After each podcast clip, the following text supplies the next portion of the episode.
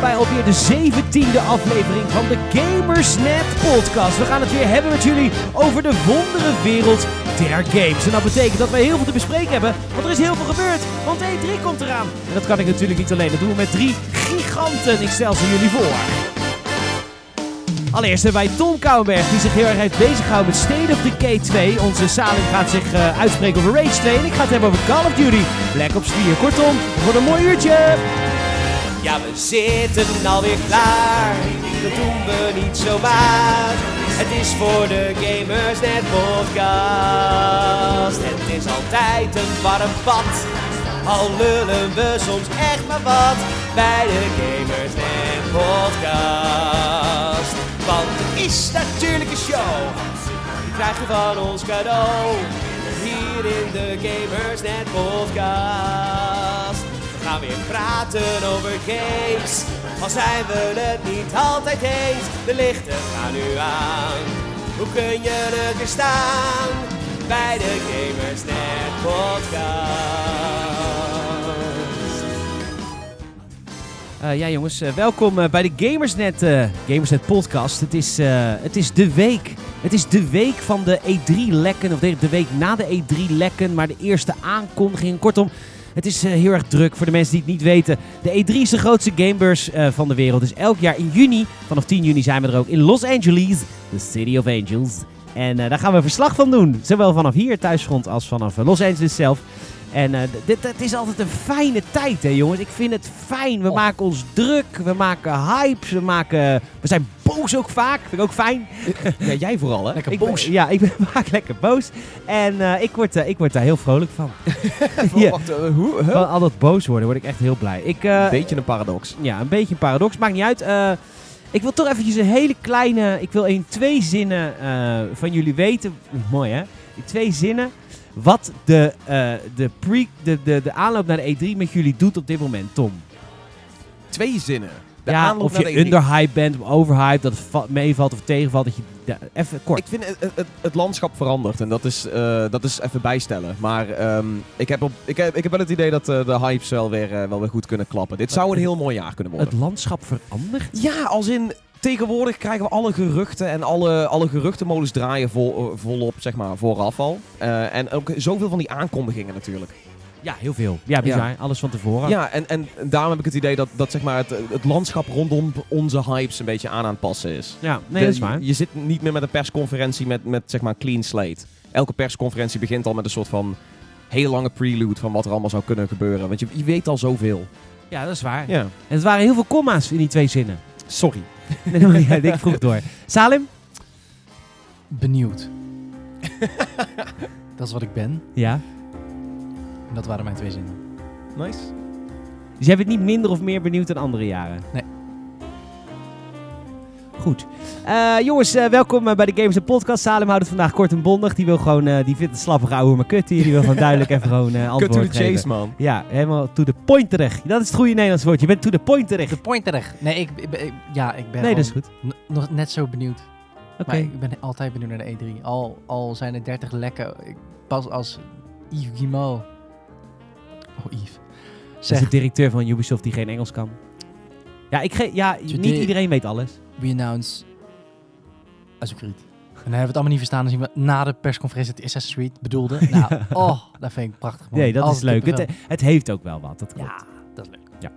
Want de, knul, uh, de, knulligheid, dat hoort wel een beetje bij E3. Ja, dit Sowieso, is ook zo. De, ik, ik, kan al niet wachten, ik kan niet wachten op de cringe-compilatie van E3 2018. Oh, in weer een of andere YouTuber die ze bij EA zetten, die dan weer alles verneukt. Oh, ik hoop ik zo dat EA zo dezelfde fout gaat maken door uh, content creators helemaal een soort van, uh, op een soort van aanbeeld te zetten of zo. Van, ja. kijk, kijk hoe prachtig dit is. De, de, we hebben YouTubers die niet kunnen presenteren en niks weten van onze games. Yeah. Nope. Ja. Maar dat is mooi. Ik, uh, ik weet niet. Ik heb er ook heel veel zin in. Ja. Um, Waren dat jouw twee zinnen? Mijn twee zinnen is nee, wel echt teleurgesteld over het aantal lekken. Ik ben echt wel echt, uh, ik vind het echt heel, heel rot. Je bent aangedaan. Dat is eigenlijk hetzelfde punt als ja, wat ik probeerde te maken ik, ja. met zeg maar heel veel minder woorden. Ja. Salem en ik hadden het deze week, uh, Samen en ik rijden vaak met elkaar in huis van wonen, allebei uh, ja, Rotterdam. En daar, dus we praten veel. Dat, dat even gezegd hebben. En we hadden het er echt over dat de game, dat de gamers eh, heel erg ehm, fan zijn van een heel nieuw medium. Dus namelijk games, weet je, het is een vooruitstrevend medium. Maar heel erg ouderwets en nostalgisch zijn in heel veel van hun gebruiken. Bijvoorbeeld, eh Salem had het over de Blu-ray disc, weet je, films en zo. Blu-rays, wie gebruikt de Blu-rays? Nou, de gamer, want die wil het liefst een hoesje nog in de kast hebben. Of tenminste, heel veel gamers willen dat nog. Maar ook het hele idee van een, een week waarin we onze hobby met de wereld vieren en persconferenties hebben. Ja, dat is echt heel ouderwets. Niemand heeft dat meer. Nee, je hebt... Tuurlijk heb je de Oscars, maar dat is meer een soort prijzenuitreiking. Dat, doen, dat is bij ons dan wel iets kleiner. Want Ja, de Game Awards worden ook steeds groter De. Game Awards Ja. willen heel erg graag de Oscars zijn. Dat ja, maar die duidelijk. worden ook wel groter. En- dan ja. zijn er ook wel aankondigingen en zo. Maar goed, ga Ja. verder. Ja, maar het is natuurlijk wel heel erg dat je merkt dat een persconferentie met aankondigingen van games. Games is ook een van de weinige mediums die dan en dus hun aankondigingen heel geconcentreerd heeft rondom, in en rondom zoiets als E3 of Gamescom.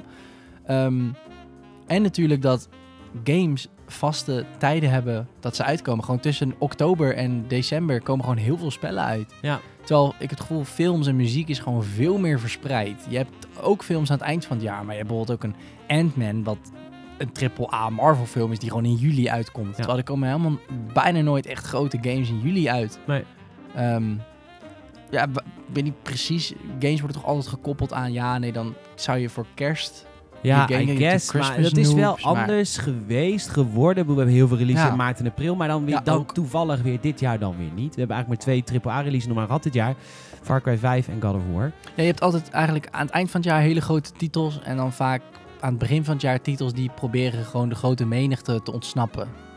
Precies. Dat, De grote Dat release te Ja, ik, ontsnappen. denk- ik Ja. denk dat er ook wel een soort van eh, logische reden achter schuilt. Eh, en dat is gewoon dat eh, voor, voor een game moet je de tijd hebben. Kijk, een film kun je twee uurtjes of drie uurtjes kun je best wel makkelijk ergens tussendoor plakken. Ja. Eh, avondje bier. ja, ja, precies. En, en ontwikkelaars moeten strijden om onze tijd. En die is natuurlijk, weet je wel, als er kerstvakantie is, dan heb je de tijd om een game te spelen, weet je wel. Ja, maar Nou, dan is het dus raar dat er in juli geen games Ja, uitkomen. dan heb je toch heel de maand vrij. Maar dan gaan mensen misschien op vakantie, wou je zeggen. Ja, misschien dat dat nog iets is of zo. Ik zou niet weten. Ja, heb misschien, altijd misschien het moet het wel gewoon heel anders. Ik heb ook altijd het gevoel dat het heel erg te maken heeft met mensen die überhaupt een console krijgen. Want ro- rondom kerst in Amerika is het wel een beetje de traditie natuurlijk. Nintendo 64, dat kindje dat met kerst, dat is de echte, het boegbeeld van kerst van onze generatie is een Xbox krijgen voor kerst. In Ja. Amerika heb ik het over, hè? Ja, ja. Dat je dan van de kerstman een Xbox krijgt. En dan met de Call of Duty of in weet ik veel wat voor spelletje. Dat dat, dat een beetje is blijven hangen. Of zo. I guess. Ik weet het niet. Ja, het is heel leuk. We zijn een, een raar volkje, wij gamers. We zijn heel erg van vooruitstreven, maar we zijn ook eigenlijk heel erg van, van voor ouderwets. Weet je, als we te, te nieuwe games met te veel vernieuwingen in games, dan vinden we helemaal niks. Moet wel een Nee. beetje lijken op die oude. Klopt, Maar, maar, als het weer maar niet te oud, veel. maar niet te veel. Dat is heel, we zijn echt een kutvolk, wat alles betreft eigenlijk. Ja, we zitten natuurlijk ook qua wat wij zijn. We vergelijken het nu heel de tijd met films en zo en muziek. Maar we zitten natuurlijk ook in de hoek speelgoed. Daar zit ik ook aan te denken. Daarom is het denk ik ook heel veel rond de kerst en zo. Echt? Je krijgt geen film voor kerst. Nee, oh, nou, ik- Je gaat naar een film. Maar jij, jij verzamelt bijvoorbeeld ook... Jij hebt ook de, de, de films op Blu-ray. Dat hebben heel weinig mensen. Wij zitten natuurlijk ook nog in de hoek speelgoed. Daarom is denk ik dat die liefde voor hoesjes ook zo groot. Ja, misschien wel. Ja, Un- het is, eh, unboxings. Want zodra het digitaal is, is het meer te vergelijken inderdaad met een film. Ja. Een Xbox Game Pass, een soort Netflix is voor games, min of meer. Maar op een of andere manier zijn wij gamers er toch nog niet massaal genoeg klaar voor. We Nee. willen dan toch altijd weer een beetje dat ouderwetse. En ik heb ook De het idee dat heel veel van die... We gaan er gewoon deze discussie extra voeren. Jullie hebben een extra bonusdiscussie deze podcast, want ook daar hadden we het over van de week. Ja, Ehm, ik heb het idee dat ehm, heel veel mensen aan de top van de game-uitgevers in hun hart en ziel gamer zijn. Ja. Daardoor ook de gamer begrijpen. Daardoor ook vasthouden aan een E3. Eh, maar zodra zeg maar, een bedrijf zo groot wordt dat de managementlaag niet meer bestaat uit gamers, bijvoorbeeld EA, die Maar dus markt- helemaal geen tering begrijpt van games of gamers, alleen marketing. alleen de marketing doen, Ja. dat het dan misgaat. Soms nog wel goed. Ik bedoel, FIFA Ultimate Team. Maar ja, goed, die game is niet gemaakt voor de gamer. Die maken games gemaakt voor, voetballiefhebbers. voetballiefhebber, ja. Eh, maar zo, zodra zeg maar in de toplagen van de, van, de, van de uitgevers er managers komen in plaats van managers die uit de games komen, dan gaat het mis. Ja, dat, ja, ook voor je imago wel. wel. Ja, ja wij, wij hadden het ook over dat... eh, je kan het vergelijken met, zeg maar, Peter maakt een mooie vergelijking. Die grote groep die FIFA Ultimate Team speelt en die Call of Duty voor de multiplayer speelt, en ja, de casual gamer, niks mis mee. Dat is als het ware ja, de, gele verf. En de, de kern, dat is de blauwe verf. En dat vond ik een mooie vergelijking, omdat Ehm, blauw is een veel sterkere kleur. Als je dat niet weet, als je daar een beetje blauw dan in geel gooit, dan is het meteen verandert die hele geel van kleur. Ehm, maar dan moet je het zo zien. Ik denk dat de, kern, gamersnet, eh, de hardcore gamer, de, de, de, de, de fan, die start de hypes. Die volgen het nieuws. Die weten wanneer een nieuwe Call of Duty wordt aangekondigd. Die weten wat Battle Royale is. Die houden dat bij. Die schrijven alle datums op. Die weten als eerste als een game is uitgesteld. Die starten de hype. Ja, en binnen allemaal, al hun families, zeg maar, zijn zij de, het neefje of het broertje of dat rare nerdy autistische vriendje van, die Ja. alles komt vertellen binnen de familie. Weet je, de huisvader zegt, god, wanneer komt er een nieuwe Call of Duty? En dat ventje zegt, ja, luister, er zijn al trailers geweest voor het Battle 12 Royale. de ja, singleplayer komt, het is helemaal geen singleplayer meer. Nee. En dus dat is de belangrijkste groep. Plus wat je ook heel erg mist, en dat is denk ik ook heel handig in je marketing. ehm, deze mensen hebben van tevoren een verwachtingspatroon. Wat grappig is, als je alleen maar op de grote groep gaat, dan krijg je altijd pas in je, in je sequel een reactie. Op het moment dat jij het verziekt hebt met Watch Dogs, dan zie je dat pas aan de verkoopcijfers van Watch Dogs 2. Op het moment dat jij het fysiek met singleplayer eruit halen in Black Ops 4, dan zie je dat pas in de volgende Call of Duty. Dat mensen die niet meer gaan halen, omdat ze tot de verrassing, verrassing kwamen, geen singleplayer. Huh, dat wist ik helemaal niet. Ja, heb ik hem voor niks gekocht. Blijft liggen, dan komt die volgende Duty, denken ze, ja, dik, dik lul en drie bier. Ik had geen singleplayer vorige keer, ga ik niet meer doen. Dan heb je dus gewoon een jaar reactietijd Ja. voordat jij door hebt of je het wel of niet verneukt hebt. Terwijl die kern, die weet het al lang. Ja. Die heeft, ja, ik weet niet, die, die kern is ook heel belangrijk. Ik vind het wel leuk dat je Call of Duty aanhaalt, want die hebben dus een eh, tijd terug ook echt enquêtes rondgestuurd naar spelers van hey, eh, hoe belangrijk vind je de singleplayer en Mm. dergelijke. En schijnbaar, eh, nou ja, in ieder geval als, als ze daarvan uit zijn gegaan, is dat natuurlijk ook de reden dat, dat de Ja, en singleplayer dat nu is dus heel erg dom. Want inderdaad, de hardcore gamer, de, de, de fanatieke Call of Duty multiplayer gamer, die vult die enquêtes in. Maar de singleplayer gamer huisvader, die Nee. elk jaar Call of Duty blind koopt omdat hij eventjes een vette ervaring wil Die van, heeft van zes uurtjes. ingeschreven voor de, voor de Die gaat die enquêtes niet Nee. invoeren, want die speelt de multiplayer een paar uurtjes. Maar na een maand is die te slecht voor de multiplayer, want dan zijn Ja. alle kiddo's hem al lang voorbij. Ja, Dus die zo'n zijn- die hebben veel huisvader- meer tijd. Ja, die hebben veel meer tijd. Dus zo'n huisvader, wat volgens mij echt... Nou, het zou me niks verbazen dat 40% van het verkoopshuis van Call of Duty is. Die laat niet van zich horen. Die speelt gewoon de singleplayer. Vindt dat leuk. Een beetje Ja. zombies, vindt hij ook wel grappig. Dat wordt een schrale troost dan, dat hij dan Call of Duty binnenhaalt en denkt geen singleplayer dit Voilà, jaar. want dat gaat Ja, dus dat gebeuren. Want die huisvader weet ook niet dat of er een singleplayer in zit... Nee. voordat Nee, hij de nee, game nee. koopt. Nee. Want het is gewoon een blinde koop. Hij, die leest zich niet in. Nee, Nee. en dat is la- laatst ook wat we hadden over de eh, Nintendo Switch Online. 9 van de 10 mensen die die Switch heeft, die, ja, die zal het pas ontdekken als het Die live gaat gaat. echt Die volgt kwaad worden. Ja. Weet je, wij worden erop voorbereid, maar wij zijn een hele kleine niche. Wij zijn Maar de gamer. Daarom is het goed als Nintendo die niche ook aan de hand houdt. Want dan heb je het weer over dat broertje, dat neefje, dat zusje wat er helemaal into games is. Exact. Die gaat roepen, jongens, jongens, jongens, papa, papa, papa, we moeten binnenkort betalen voor Nintendo Switch Online. En dan zegt papa, ja dag, Ja, je speelt al vier maanden Mario Kart zonder te betalen. Moet ik daar opeens voor betalen? Dat kan toch niet? Nou, dat zegt die vader dan. En Ja. dan is dan überhaupt omdat hij gewoon ook in een gemiddelmatig ongelukkig huwelijk zit op dat moment. Maar dat, buiten dat om. Ja, Salem die betaalt graag voor alles. Waar die vroeger, wat, wat hij vroeger gratis had, vindt hij het heel fijn om daar nu voor te betalen. Salem is daar fan van. Nou, nee, ik vind de manier waarop, eh, vorige keer volgens mij de manier waarop was zo is gewoon kut. Maar ik, ik, ik vind wel prettig dat dit gewoon betaald wordt, ja. Dat ik vind dat dat kwaliteit, dat je dan, dan heb je ook iets om op te beroepen voor kwaliteitsgarantie. Op het moment dat het dan kut werkt en het is gratis, kan je altijd zeggen, ja, is gratis. Ja, dat is waar. Maar aan de andere kant, als je iets betaald doet en je hebt een heel slecht online service, hashtag Playstation, doet ook niemand er wat aan. Nee, maar dat komt omdat Nederlanders natuurlijk gewoon schapen zijn wat betreft Sony. Als Sony volgende week zegt, we hebben de PlayStation 5 en die heeft de helft minder specs dan de PlayStation 4, koopt mensen het ook eerder Ja. dan Xbox. Dat is waar. Dat is ons land. Mooi land. Schitterend land. Schitterend. Goed. ehm Leuke extra wilde discussie. nog een extra discussie. Ja, ik wilde ook nog even. We hadden nog één discussie, wilde ik ook even gelijk droppen. Want dan. eh wat wij hadden we het net ook over in de auto. Wij vroegen ons af waarom. eh, waarom blijven al die publishers lekker naar de E3 gaan? En toen had ik Ja. het opeens. De, de reden is dat de eh, journalisten betalen één trip per jaar zelf. Ja. En dat Ja. is de trip naar Los Angeles. Al die andere trips die wij dit jaar doen, betalen we niet zelf. Daar worden we voor uitgenodigd. Maar LA betaalt Games net gewoon zelf.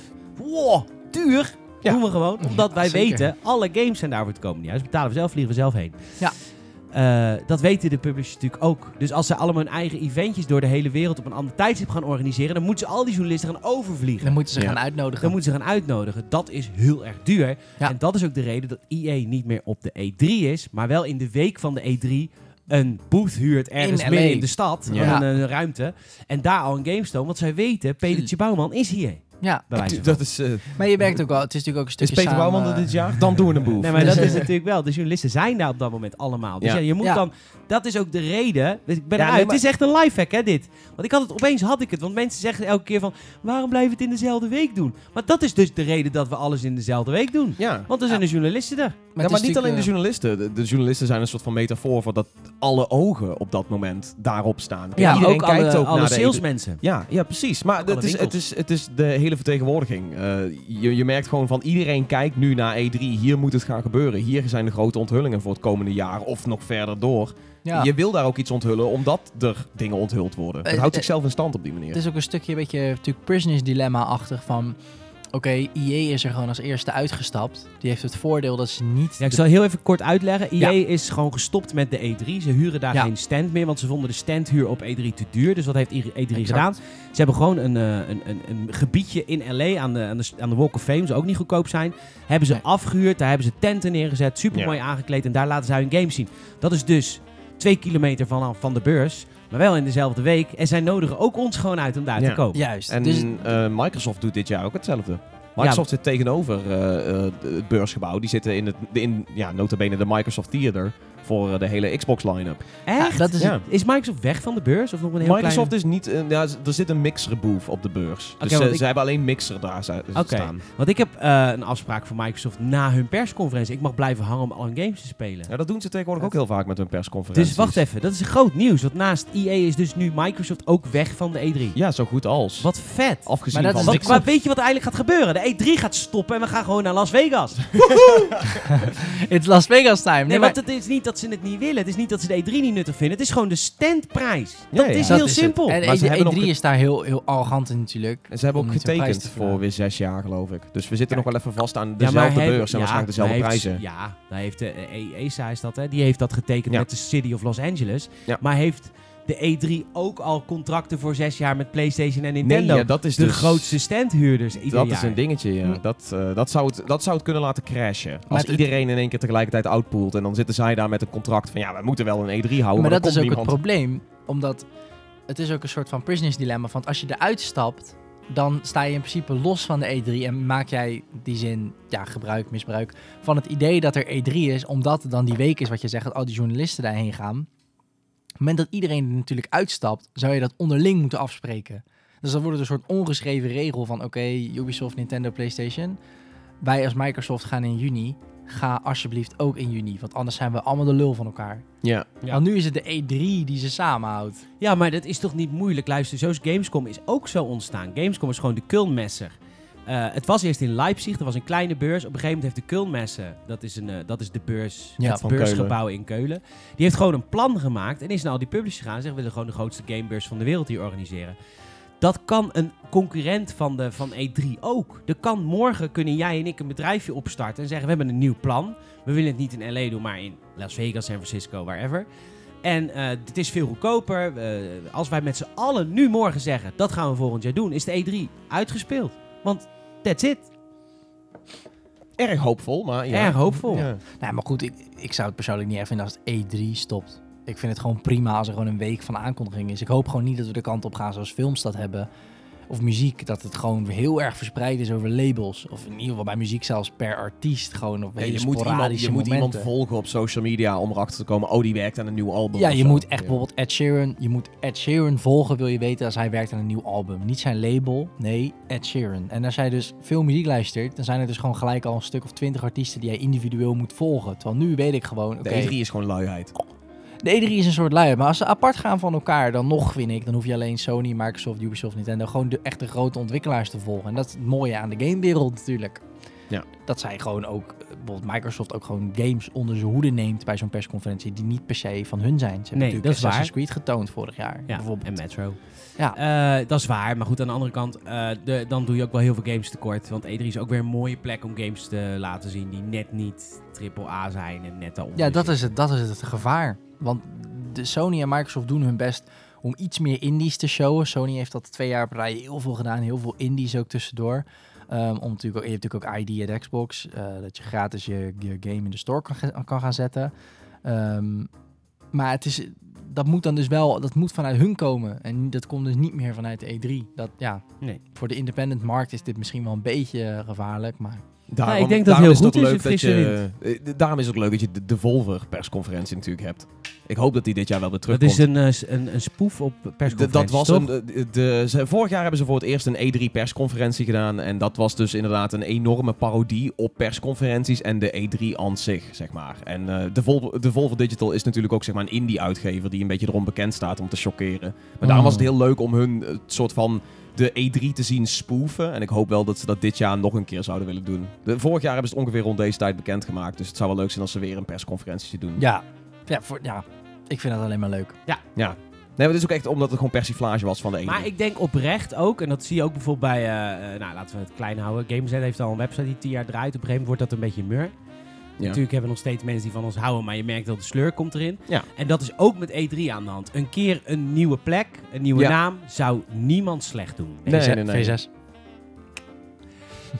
Dat we de E3 V6 noemen. Ja. Welcome to V6, Ja. where all the publishers come together to show you the new, their new games. Nee, maar inderdaad, een nieuwe plek, nieuwe mensen, andere organisaties. Ja. Misschien wel zelfs dat het een wat meer een cohesie moet worden van de ontwikkelaars, waar niet per se een, een grote derde partij aan zit.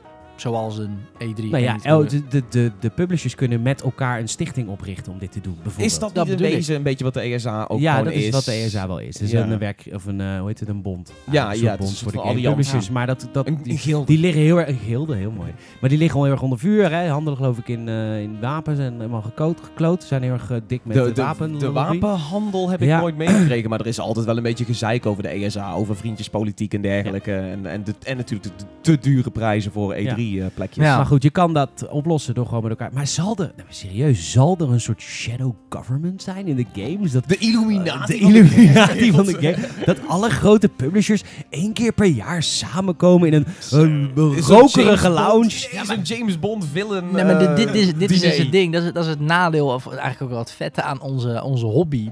Dit is in elke branche super vet. Stel je dit even voor met films. Eén keer per jaar dat je in de schaduw Quentin Tarantino ziet zitten. Naast hem Christopher Nolan. What are we gonna do, man? What are we gonna do, boys? Bij ons Phil Spencer. in een stoel. Naast, eh hoe heet die, van Nintendo. En daarnaast Yves Guillemot. Today we are happy to announce. maar dat Yves ook gewoon in het echt in die, aan die tafel ineens... My name is Yves Guillemot. Wat? My name is Bloody Eve Gilmo. yes. I've been playing this French fuck for too long. I don't like it. ja, Zou vet zijn. dat zou heel vet zijn, maar dat is niet waar. Nee. Nee, maar, nu- zou, maar zou er een mailing... Zou, ik weet bijvoorbeeld, dit is een beetje inside information, maar ik weet bijvoorbeeld van de Nederlandse publishers, die spreken elkaar dus bijna niet. Je hebt er een paar, die zijn Nee. nog wat een beetje bevriend, sturen elkaar wel games. Maar er is helemaal niet een soort van, dat al die Nederlandse... Als wij de Nederlandse eh, journalistenborrel in het begin van het jaar hebben, dan worden alle gamejournalisten uitgenodigd eh, door alle publishers. Maar dat, dan zien zij vaak elkaar ook voor maar één keer in het jaar of twee keer in het Ja, jaar. Dat is helemaal klopt. niet te dik dat- met elkaar. Dat snap ik Die gaan, niet, wel. die gaan ook niet met elkaar uit in LA. Ik zou zeggen, als ik bij, eh bij weet ik- whatever the fuck, waar zou ik werken? Waar zou ik nou werken? Ubisoft. Ubisoft, Ubisoft. zou werken. Ik zou eh, Sony bellen, Microsoft bellen. Ze kon gaan avond met z'n allen drinken. Gebeurt ook niet. Ja, Ubisoft en, en, en bijvoorbeeld Microsoft of Sony snap ik ergens wel, maar dat zijn natuurlijk ook de Ach, kom op, consoleboeren. Sony en Microsoft kan dat niet. Nee, nee, en nee. Nintendo. Ik bedoel, Ninte- of als je zegt Ubisoft en Microsoft, dat zijn natuurlijk ook consoleboeren die met ontwikkelaars gaan, gaan netwerken ook. Maar Kom op, we, zi- we zijn toch geen. We zijn toch, het, is toch, het is toch heel kinderachtig dat, dat een PlayStation niet met Xbox gewoon een avond biertjes kan drinken. misschien Dan- dan- privé wel. Zo maar- help je de fanboy war ook gewoon in leven of zo. Ja, maar ze doen ook wel gewoon altijd elkaar feliciteren met de persconferentie op Twitter en zo. Zijn Ja, maar ik heb het puur over Nederland. ja, nu. En dan Nederland, in probeer ik Nederland het zou alleen het maar. makkelijker kunnen. Maar als het in Nederland Ja. al niet kan, dan zal het internationaal ook niet kunnen. Nou ja, dat Phil Spencer niet af en toe een biertje doet met mensen die ook bij Sony zitten, dat geloof ik heus wel. Dat, ik geloof echt wel dat dat Harry, Harry, weet je, Harry Lurp of zo, weet ik veel, die gast van Microsoft. Je weet Oh niet- ja, Major Nelson. Major Nelson en, Harry. en, en, en, en Phil Spencer en zo, die zullen vast ook wel. Maar als je bijvoorbeeld een Yves Guillemot of zo, weet je, ja, die heeft gewoon zijn eigen mensen, denk ik. Die man is niet 24-7 alleen maar bezig met games, dat geloof ik niet. Hoe heet die guy weer van Nintendo, Lucio? Ja, Die Engelsman. Wat? Reggie Fils-Aimé? Reggie Fils en mee. Die, die houdt wel van een borrel, denk ik. ja maar die zal heus ook wel een keertje borrelen met Phil Spencer. Vast Ja, wel. dat lijkt me Oh, niet, dat zie ik wel gebeuren. Ja, maar, die, Ja, maar Phil- hij houdt ook wel van Phil drank. Spencer is ook echt een guy die ook echt gewoon... Phil Spencer kan met iedereen. Ja, precies. Hij, maar ook publiekelijk. ik hij, heb hij, veel gesproken. Ik vind Phil Spencer ook echt wel... Ik vind Xbox altijd heel Amerikaans. En Phil Spencer is ook heel Amerikaans. Hij heet ook Phil Spencer. Ja, Dat, meer Amerikaan. Hij is ook... Die nee, hij is van heel hem. veel Spencer. Ja, hij is echt heel veel Spencer. Ik vind dat echt heerlijk. Ja, is past, dat, dat ga ik heel goed van dat dat gewoon zo allemaal... Alle Ik mis alleen vooroordelen... Heel erg. Oh, Wie? ja. Die nare man van PlayStation. Ja, die, ja, ja, die- ja. Nee, dat is, dat is eh, oh, ik ben zijn naam kwijt, maar dat is, Littlefinger. dat is Littlefinger inderdaad, ja. Littlefinger. Ja, Jammer dat hij weg is, want ik kon altijd Hmm. wel van hem genieten met de E3. Ja. Me over at En PlayStation. EA heeft ook echt... Die guy van hun heeft ook echt Zo zo'n... glad. Oh, zo'n gladde, Oh, smerige hij is Amerikaanse vies. kapitalistische lul. Hij is Oh, echt die- zo'n hij is- lul. hij is de embodiment EA moet van echt lootbox. dood. This year with FIFA. hij is... Ah. En, eh, oh, dat, dat was de mooiste cringe, dat hij een eh, heel stuk had over dat eh, de FIFA de soort van anti-bullying agency of zo zou helpen. Ja, nou, ik geloof wel dat...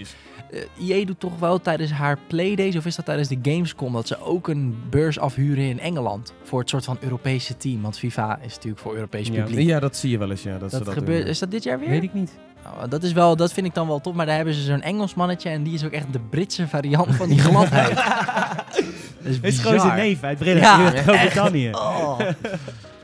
Ja, nee, maar dat, dat EA is heel, heel corporate. Echt. ugh, Ja, zo heel corporate. smerig. Terwijl Pieter Moore was fantastisch. Pieter Moore was... Die is eh, nog steeds de baas van EA Sports, toch? Eh, nee, nee, nee, nee, nee. Is hij inmiddels... eh, hij werkt bij, eh, ehm, moet ik het goed zeggen, een Walmart. voetbalclub. oh, bij nee. een voetbalclub, Liverpool? Eh, het kan eh, Liverpool volgens mij. Ik weet niet meer precies welke Man. United. Ik, nee, Liverpool, iets in mijn hoofd zegt Liverpool, ja.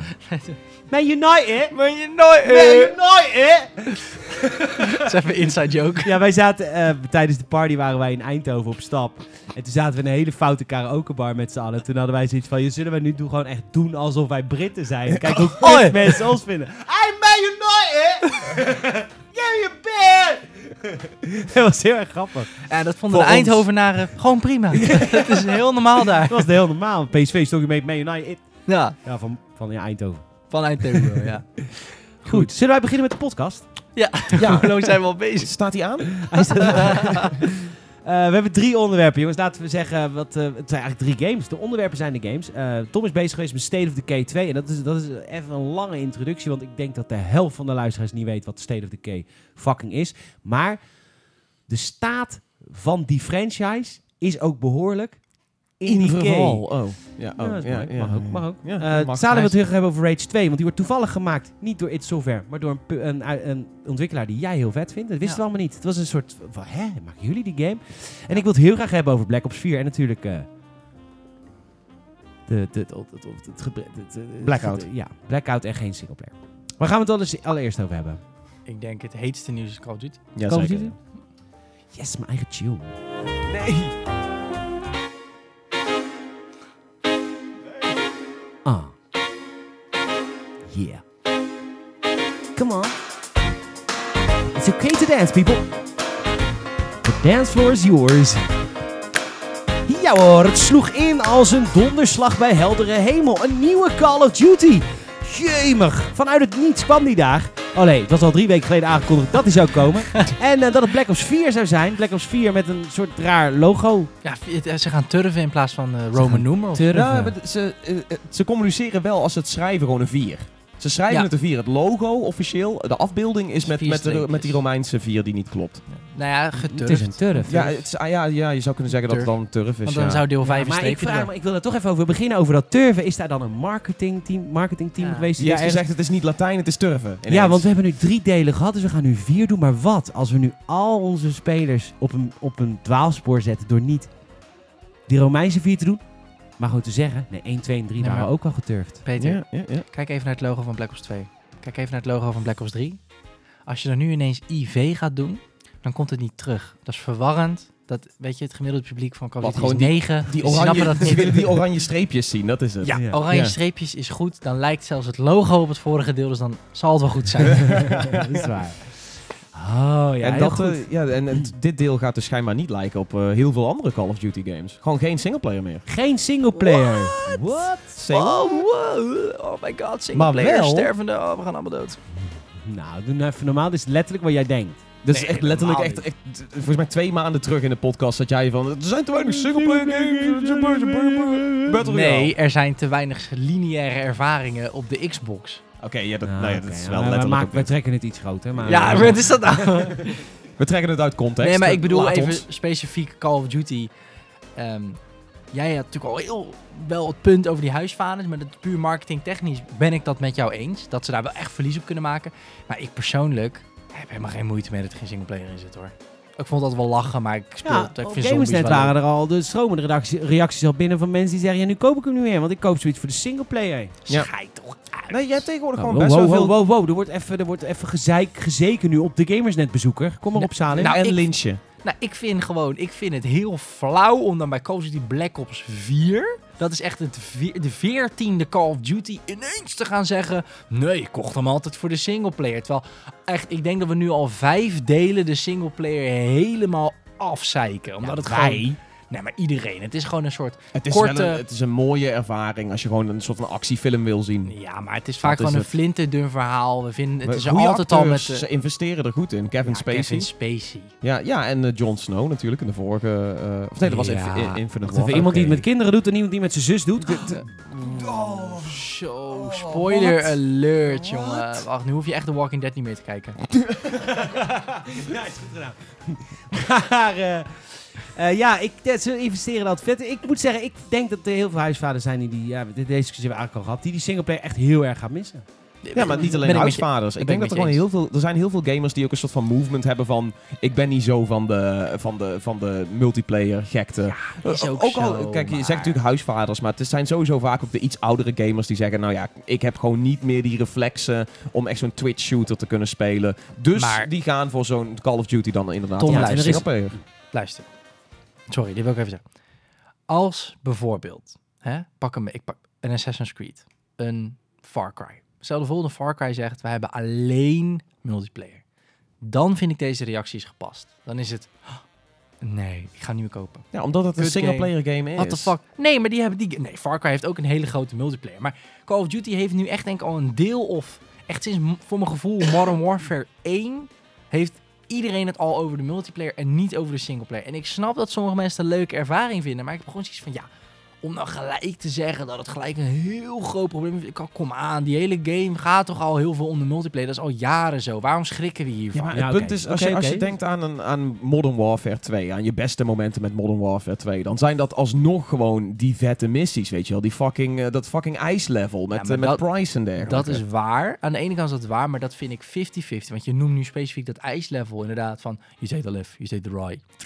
Ja. Done. Weet je, met Price, dat is episch. Heel vet. Maar Ja. tegelijkertijd zijn voor heel veel mensen ook de vette momenten. "Ah, Ik deed een throwing knife across the map op Rust. eh, De killing sprees op Rust. eh, Ja, ja, ja. De gekke PV... eh, one Oké, v one me, oké. one v one me quickscope your mom. Dat is ook gewoon een Dat is cultuur Call of Ook Duty. inderdaad waar. Maar nu gaan we dus da- dat, dat stuk van Tom eraf halen. Ja, Ja, Dus dan heb je dat wat jij nou hebt nog wel, maar dan heb je dat dus niet meer. Dat is waar, maar ik vind het in Modern Warfare echt 50-50. Modern Warfare 2, maar ik vind over de jaren heen is dat heel erg naar de multiplayer Noem Ja. eens even een memorabel moment uit de singleplayer van Black Ops 3.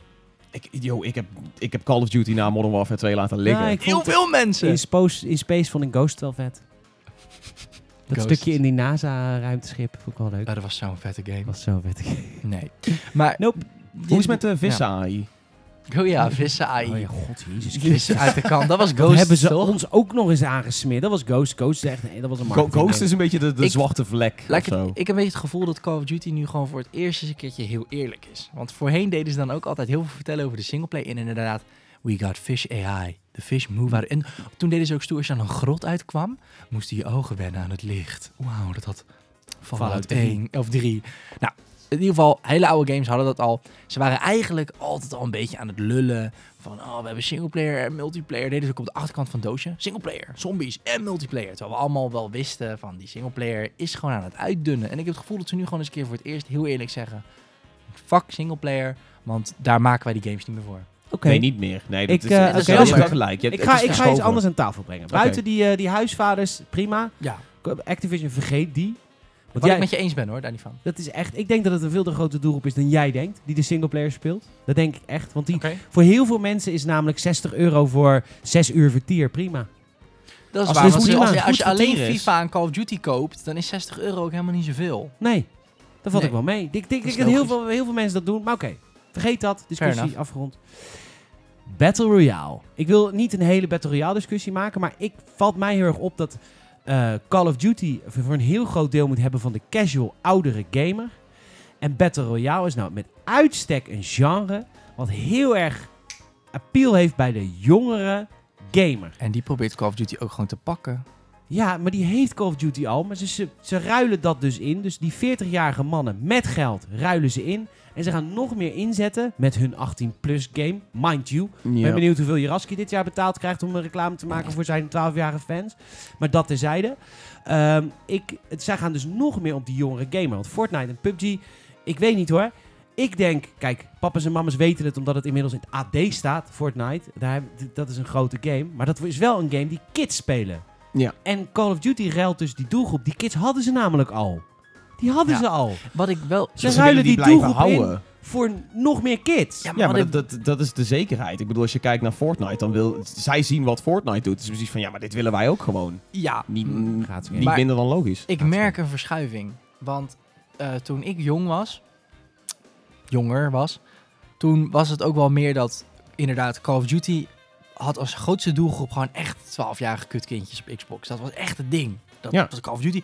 Maar wat je nu, wat Peter ook wel terecht zegt, je merkt wel, en dat is een beetje begonnen sinds Minecraft, dat kinderen opeens weer ook echt kindvriendelijke games zijn gaan spelen. Minecraft, Fortnite, Pokémon Go. Dat ik denk, hey, Fortnite is oprecht minder schadelijk voor je als jong kind dan Call of Duty. Call of Duty is gewoon gemaakt voor volwassen publiek. Met Price een beetje over het Dus- ijs lopen en eh, sneaky mensen door de hoofd schieten. Ja. En het gaat over, Modern Warfare 1 gaat over waar gebeurde shit uit gewoon oorlogen in Irak en zo. Dus, Dat- dus, maar vind je dit dan shady? Dat ze nu duidelijk aangeven van... Ik, ik Of willen wil- ze de oudere maar- gamer in Battle Royale gaan leren? Er is ook dat, maar, dat, maar wat je ook opmerkt, er is een reden dat er maar één deel heel even naar de Tweede Wereldoorlog is gegaan. Dat is een, dat is een gimmick. Wij hebben opeens hebben gezien wat Battlefield 1 had gedaan. Terwijl we ineens maar, oh, terug in de tijd, zoveel beter dan de toekomst, bla bla bla bla. Maar voor die kids helemaal niet. Die vinden het heerlijk, die Black Ops shit. Met kleurtjes en high-tech en robotjes. Ja, omdat het ook een beetje... Het wordt wat meer een, een soort van cartoony Overwatch-achtige shooter. Je krijgt een hero shooter. Ergo, kindvriendelijker. Ja, zou je kunnen zeggen. Het Black Ops 4 is kindvriendelijker dan de lugubere acties en verhaallijnen uit de Tweede Wereldoorlog. Dat willen ouders niet dat hun kind zien. Dit is ook een beetje over de top en dus minder serieus te nemen. Ik bedoel, we zagen in de trailer nota bene iemand, weet je al, een soort van ultimate doen door een een of ander technisch ding op de grond te slaan. En dat creëerde dan een soort van shockwave. Ik dacht van, ja, maar nu wil je gewoon Overwatch zijn. D- Maar begrijp je wat ik bedoel? Overwatch is ook iets kindvriendelijker dan een Call of Duty World War II of een Battlefield 1. En ik merk gewoon, wat jij zegt, die huisvaders hebben ze. Ze hadden vroeger ook die kids, maar om die kids nu te willen behouden, moet je een Battle Royale gaan toevoegen. Elektronische dingen waar je mee kan stampen, over de top shit. Snap je dat, wat ik bedoel? dat is Black Ops alle, sowieso snap over de je, jaren snap een wat beetje je geweest. bedoelt, maar toch vind ik het een gevaarlijke zet. Want ik vraag me af, Het is niet ik denk echt dat verantwoord. 40%, nou dat ethisch verantwoord is, dat vind ik sowieso niet. Maar ik denk dat 40% van de kopers van Call of Duty teleurgesteld zijn met Black Ops 4. En misschien is dat dezelfde 40% kiddo's die teleurgesteld waren bij World War II, omdat ze dat te serieus vinden. Prima. Ja, dat, ja Maar ik denk dat die huisvader World War II heel vet vond. zeker. En ik denk dat zij Battle Royale veel te tijdsintensief vinden. En veel te massaal voor wat zij doen. Weet je, je, ja. je moet niet vergeten dat het aantal mensen dat Call of Duty speelt... dat totaal niet kan gamen, heel groot is. Dat is en voor waar. multiplayer en voor Battle Royale moet jij kunnen gamen. Ik ja, kom niet zijn, al mee zijn met PUBG. snelle modus, ja. En ik kom al niet mee bij PUBG vaak. Ik moet het wel hebben van mijn, eh, nou, laten we zeggen, sympathieke gedrag, zodat mensen mij een beetje helpen. Maar als ik een lonely huisvader ben en ik drop in een pub, eh, PUBG-achtige Battle Royale map in COD, ik ben zo weg. En dan Ik is ben het, wel nou, heel benieuwd hoe ze dat gaan doen met die Battle Royale. ik vond de trailer tering vet. Ja? Ik heb het nog niet gezien, eerlijk Dat De trailer, uitzoomen ja, uit dat gebouw. En dan echt, ze zoomen echt uit. En dan zie je op een gegeven moment echt zo'n PUBG-achtige map. Gewoon in Call of Duty. Ja, het is Met de een grootste heel hoog ooit. pand in het midden. En met Mm. helikopters en met boten en met auto's. Ik moet wel zeggen, Fortnite is natuurlijk een bij elkaar geprutst werk. PUBG natuurlijk eigenlijk ook. Het zijn eigenlijk allebei early access games met een heel beperkt budget gemaakt. Ik vind het zo grappig hoe, Ik- je, hoe je bij PUBG iets vergevingsgezinder bent. Fortnite is een bij elkaar geprutst kutwerk. En PUBG eigenlijk een klein beetje ook. Heel Maar ze hebben het wel goed gedaan. Is waar, is But waar. Is exact wat ik bedoel. ja, klootzak. Sorry. Goed, ik ben best wel benieuwd hoe met AAA budget, al vraag ik me af hoeveel budget er naar de Battle map van Call of Duty is gegaan vergeleken met de multiplayer en de zombie modus, die trouwens ook heel belangrijk is, zombie Ja, ja, modus, ja, en zeker, ook ja. voor steeds grotere Een soort doelgroep. se- se- semi-single player voelt Ja. dat aan natuurlijk Ja. koop. Ik ben echt benieuwd eh, wat Ja, voor dit het- budget het- een PUBG of een eh, player- eh, Battle Royale game is. Ja, want, want het, het is een, een, een heel stuk groter dan Call of Duty ooit heeft gedaan. Er zitten notabene helikopters en dergelijke in. Boten schijnen ze gezegd te Ja, hebben. er Voertuigen. Het is best wel, best wel bizar. Eh, als je dat combineert eh, met... Ze zeiden ook van dingen van... Ja, er zijn locaties van de oude... eh, Ja, het is een hommage aan verschillende De- oude mappen. ja, Dat en, en, is en zelfs personen. Er schijnen Ah, zelfs dus vet. ook karakters in voor te komen. Dat ik denk, hoe wil je karakters in een Battle Royale? Nou goed, Misschien anyway, over de radio, benieuwd. als je binnen een bepaald gebied loopt, dat je dan iemand hoort. Hoe Price. vet zou het zijn? Eh, Price kan niet. Dat nou, Nee. zou zo kunnen met Modern Warfare. Maar dan zou je bijvoorbeeld die, die Rus hebben. Petrov, Skyozi, they all must die. Black Ops 1, jongens? Nee? Noem- Nee, niet? nee, Nee, Echt de vetste Call of Duty campaign ooit. Oké, we- Nee, ik ben campaign bij, zeg eh, kut. Modern Warfare 1 Ja. en Ghost Town, die vond ik heel goed. Maar, eh, Goeie AI. goeie AI. Vissen AI. Van de vissen AI. ja, Eh, prachtig. Ik zei, Ja. ik zei bij die game ook al, vishuis aan. Leuk. Goed. Ehm, dus ik heb heel veel zin. Dus ik heb heel veel zin in de Battle Royale modus van Call of Duty. Dit, al- als je maar afgelopen benieuwd. kwartier hebt horen praten, zou je denken: Ja, ja, Peter ja. haat alles. Maar dat is meer wat ik denk dat Call of Duty doet met hun doelgroep. Alleen ik zelf heb heel veel zin in de, in de Black Ops 4 Battle Royale modus. Omdat ik gewoon van Battle Royale hou. Tenminste, Voilà. als het goed wordt uitgevoerd. Snap ik. Zoals met PUBG. Zoals met en PUBG. niet Fortnite. En niet Fortnite. Fortnite. Fortnite. Nou, ik, nog één laatste ding wat ik even over wil zeggen is... ehm, je hebt natuurlijk ook Call of Duty was vroeger altijd versus Battlefield. En ik heb een beetje het gevoel... Call of Duty versus Battlefield is een beetje wat Fortnite versus PUBG nu is. Of zo. Battlefield was altijd... eh, een beetje de Rick and Morty, toch? Nee, ik speel Battlefield. Ik hou van strategische shooters. Ja, ja, dat serieus. is wel serieus ja, waar. ja, ik kon heel erg uit de hoogte doen met het feit dat ik Battlefield speelde. Ja, dat was Ja. wel echt een beetje... En daarom bedoelde ik ook een beetje dat Call of Duty ook heel erg dat kiddo gehalte heeft. Omdat het een beetje zo is van... Nee, Call of Duty was dan de cartoony, quick arcade shooter. En Battlefield was voor de... Voor de Belezen voor, game. ja, voor de, ja, de belezen, tactische, zeg maar, ik speel voor de team effort. Call of Duty gaat alleen maar om je eigen win. Nou, Ja. dat was dan dat ding. Ja, maar dat is letterlijk, toch? Ja. Je, zegt het nu wel zo. Dus ik, Ja, maar jongens, Battlefield 5 wordt ook gewoon aangekondigd binnenkort. Gaat die dan door op Ja, het ik hele ben retro? heel benieuwd Of op gaan ze Battlefield ook 5. gewoon terug naar de moderne oorlog? Ja, moderne oorlog het liefst. En waarschijnlijk ook wel een Battle Royale. Ja, maar dan, wat, wat onderscheidt hun dan nog? Behalve Eh, graphics. nou ja, d- dat het een hele andere gunplay is natuurlijk. Fair enough. Want eh, dat blijft nog wel een beetje het ding. Dat inderdaad Call of Duty is snel en, en Battlefield voelt dan wat griddier en wat langzamer. Ja. En weet je al, een assist Wat kan daar ook... realistischer. Ja, ja inderdaad, dat krijg je dan een beetje. Dus die tweedeling komt er dan in voor. Ja, Als en, je, Maar ik ben heel erg benieuwd sowieso wat Blackout gaat doen voor, voor Call of Duty. En of ze het kunnen... dat is de Battle Royale modus. Ja, de, of de Battle Royale modus van Call of Duty. Eh, Call of Duty iets kan leveren. En dan of Call of Duty ons daar weer mee iets kan leveren. Eh, en dan natuurlijk of, of Battlefield dat ook gaat doen. Daar ben ik dan ook wel heel ik hoop naar. het wel. Dan ben ik nam- want dan krijg je namelijk... eh, heel veel mensen vragen van... Oh, er komt te veel Battle Royale. Maar ik vind persoonlijk...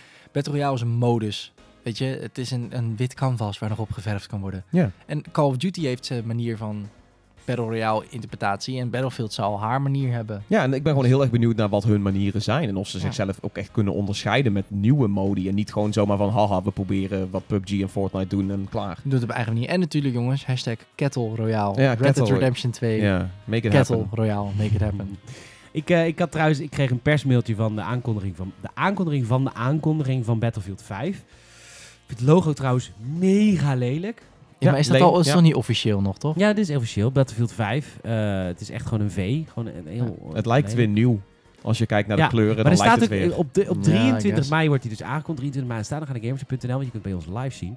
En er staan 10 dingen die je niet mag missen aan Battlefield. Ik zou, even, ik zou het even zeggen, want dit is, dit is echt een van de Is grootste... niet NDA? Eh, nee, nee, het is Oh. gewoon een... eh, even kijken, is het NDA? Nee, Oh. is een aankondiging. Er staan 10 dingen die je niet mag missen van, eh, van Battlefield 5 onthulling. Reden 1, het is een nieuwe Battlefield. Oh, oké. Reden wauw. 2, in een nieuwe omgeving. Dus het is geen. Eerste Wereldoorlog meer. Mm, Eh, Oké. info direct van de ontwikkelaars achter Battlefield 5. Dus, dus mensen die het ook verstand van hebben, komen erover praten. Dat is al heel nieuw voor EA Geen, geen YouTubers? Ik zou Nee, liever- precies. Ik, ik denk Ja, maar YouTubers Battlefield heeft altijd zijn eigen persconferentie en dan zitten er een paar mensen van DICE die allemaal... Ja, ja met maar een- dat is wel nieuw voor EA. Want normaal sturen ze altijd Ja. mensen die er niks van weten, maar een of ander Nee. praatje doen. Vier, nog nooit vertoonde multiplayer momenten. Ja, oké, ik hoop ja. zo dat die Destruction dingen terugkomen. Ik was daar echt fan van. Dat is juist het ding. Als ze een Battle Royale of iets gaan doen, iets groters. Met dan die Destruction 2.0. Hell, maak er 3.0 Dat die van. gebouwen instorten zodra het buiten de cirkel komt. Ja, precies. Dat soort shit, ja. Nou, je kunt genieten van spannende Battlefield momenten die meer dynamiek en afwisseling met zich meebrengen. Oh, please, Dat klinkt Destruction. Dat klinkt, nou, dat klinkt als allereerst Destruction, maar ook, dat kan ik heel, ik placebo dat nou als Battle Royale. Snap ik. Echt? Ja, een beetje Ja, wel. nieuwe Dynamiek, momenten, weet je wel. Ja. Nieuwe actie, dus een beetje zo van, ja, de, de nieuwe vorm van actie waar iedereen Ja, nu naar op zoek Battle is. Royale is ook gewoon een heel goed concept, vind ik. Vijf. Eh, reden vijf. Ongeëvenaard beeld en geluid. Dolby Atmos. Mooi. HDR, Eh, Dolby reden Atmos. zes. Nieuwe modi en ervaringen. Ervaringen. Ja, is, mooi. ex- experience. Teamgerichte, teamgerichte modus. Hm. Die- Eh, zeven gameplay wijzigingen. Dus ze gaan nieuwe dingen... Je Gameplay hebt geen guns meer. Ja, Je moet nu schieten met LT. gameplay wijziging? Ja, durven te wedden dat jouw favoriete Battlefield 1 wapen er, eh, dat er Oh, we willen durven te wedden om jouw favoriete Battlefield 1 wapen dat er fantastische gameplay wijzigingen aan gaan komen. Daarom raden we je aan om tijdens een live onthulling niet met je ogen te knipperen. Oké. Oké, reden 8. Iedereen met uitgedroogde ogen. Ah, ah, is het afgelopen? ja. Een beetje... Ah, ja. Reden 8. Trevor Noah. Dat is de presentator die het gaat presenteren. Dat is ook Oh, een reden. dus hij is zijn eigen reden. 9. De terugkeer van War Stories. Hè? Dat Oh, was dat was eh, uit Battlefield 1, toch? Eh, Eh, en reden 10 is de antwoord op alle speculatie. ik vond, ik vond War. Stories vond ik niet heel fraai. Was dat, waar was dat van? Dat was van Battlefield 1. Dat je dan op Oh, een de andere manier, was op een andere manier ging je naar de oorlog kijken. Ja, vanuit maar- een fucking Iron Man suit. Maar dat- ja, maar dat, was gewoon de singleplayer. ja. maar dat, gaat dat gaat niet met dit. Dat, tenzij het gebaseerd is op iets echts. Dat vond ik het leuk aan Battlefield 1. Het is geschiedenis. En daar het is, het gewoon, ik hou van geschiedenis. Nee, gewoon Bad Company 3. Ben ik de enige? Nee, Ja, nee, want nee. Wet op Games is ook al genoemd door een bezoeker. eh, maar dat, dat gaan ze dus niet aankondigen. Dat vind ik zo Battlefield 5 jammer. Oh, want Bad Company, dat zou nu juist als je, als je dan toch richting de, de hippere shooter wil gaan, eh, bijvoorbeeld met Battle Royale, maar ook eh, iets meer hero shooter, kleurrijk en dergelijke, is Bad Company een veel beter IP daarvoor. Het is, wat, het is wat grappiger, maar je hebt nog steeds wel die oude vertrouwen Battlefield gunplay, waar gewoon de wapens enorm lekker voelen. Er zat veel destruction in. 23 mei aanstaande, jongens. Eh Shit. 10 uur s'avonds. Kom naar gamersnet.nl voor van Battlefield 5. Net na het weekend. Het is dinsdag. Bevochtig je ogen. Ja, nee, je mag ja, mag hoofddruppels niet- meenemen ja. of een spuit. Ja, dat is een beetje Clockwork Orange, of niet? Oeh. Ik, wat de...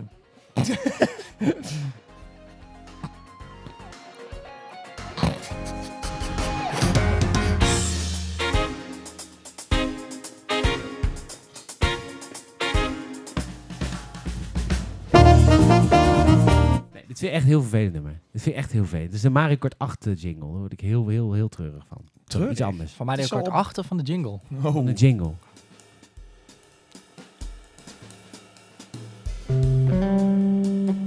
Oh yeah. Do you like jazz? Do you like Funky jazz. hit that bass? Volgende boek waar wij over gaan praten is het nieuwe boek van Harry Mulisch. Die bij elkaar geraakt is na zijn dood. ja. Rage 2. Rage 2. Woede. Worden. Gaan we het over Rage 2 hebben, jongen? Weet ik niet. Ik, eh, ik ging daarvan. Dat maakt mij niet uit. Nou, Rage 2, we gaan het over hebben. Leuk man. Rage 2 is aangekondigd. was vorige week al eh, gelekt eh, door Walmart. Maar eh, Was jij boos over in de podcast? Dat was ik boos over in de podcast. Maar eh, Bethesda heeft daar eh, goed gebruik van gemaakt. Dat we zeggen dat er één Misbruik. winnaar is. Één winnaar is in dit hele spel. En dat is Bethesda. Want die hebben het aangegrepen om heel veel media-aandacht te creëren op Rage 2. Hulde, dikke kudo's aan de PR-mensen van Bethesda. Want dat is jullie gelukt. Het is jammer voor al die andere publishers die hun game nu ook op straat hebben liggen. Maar prima. Nou, dat is dus nu ook weer een soort van beetje ontkracht. Omdat we Ja. natuurlijk in die Walmart-lek eh, zagen we dat Borderlands 3 ertussen zou staan. Terwijl nu specifiek gezegd wordt, Borderlands 3 is er helemaal niet op de E3. Ja, maar... eh, ja, misschien moet jij eens Gamersnet.nl bekijken, Salem Marik. Ik deed gewoon voor de kijker even. Oh, oké. Oh. Voor de kijker, ja. En gamers.nl. Goed. Eh, we gaan... eh, nee, Borderlands. Maar, maar het zou dus heel goed kunnen zijn. Kijk, Borderlands 3 is niet toonbaar op, eh, op E3 als in we kunnen niet spelen. Want 2K is er sowieso niet echt. Maar misschien krijgen we wel een trailer.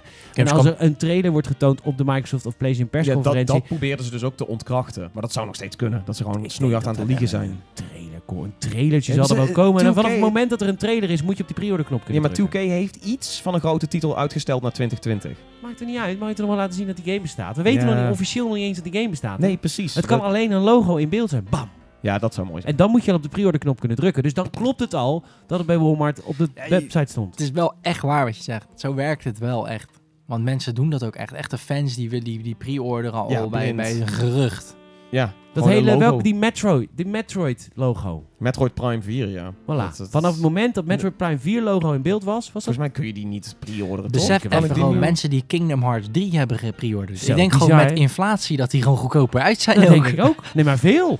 Ja, Ik denk dat, dat onze Koen, onze Uncreated Koen op Gamersnet, die heeft hem al lang die heeft nog met gulden. guldens betaald. Die heeft nog met guldens betaald. ja. Ducaten. Zeker. Oh, dat is geen geld. eh. Al 80 gulden voor een spelletje vond wel veel, hè? Vond ze even veel geld. Het is bizar. Je kunt gewoon, je kunt Metroid Prime 4 al kopen. Het Ja, enige wat we gezien hebben is, is een Ja, motherfucking maar Tom, dit is hoe het werkt. En kun jij mij, weet jij Nee. hoeveel mensen dit hebben gedaan? Ja. Dat is, dit dat zijn is op de wereld, denk ik, richting de 100.000 mensen die dit doen. gewoon Dat zijn veel Metroid Prime nooit, fans. Nooit pre-orderen.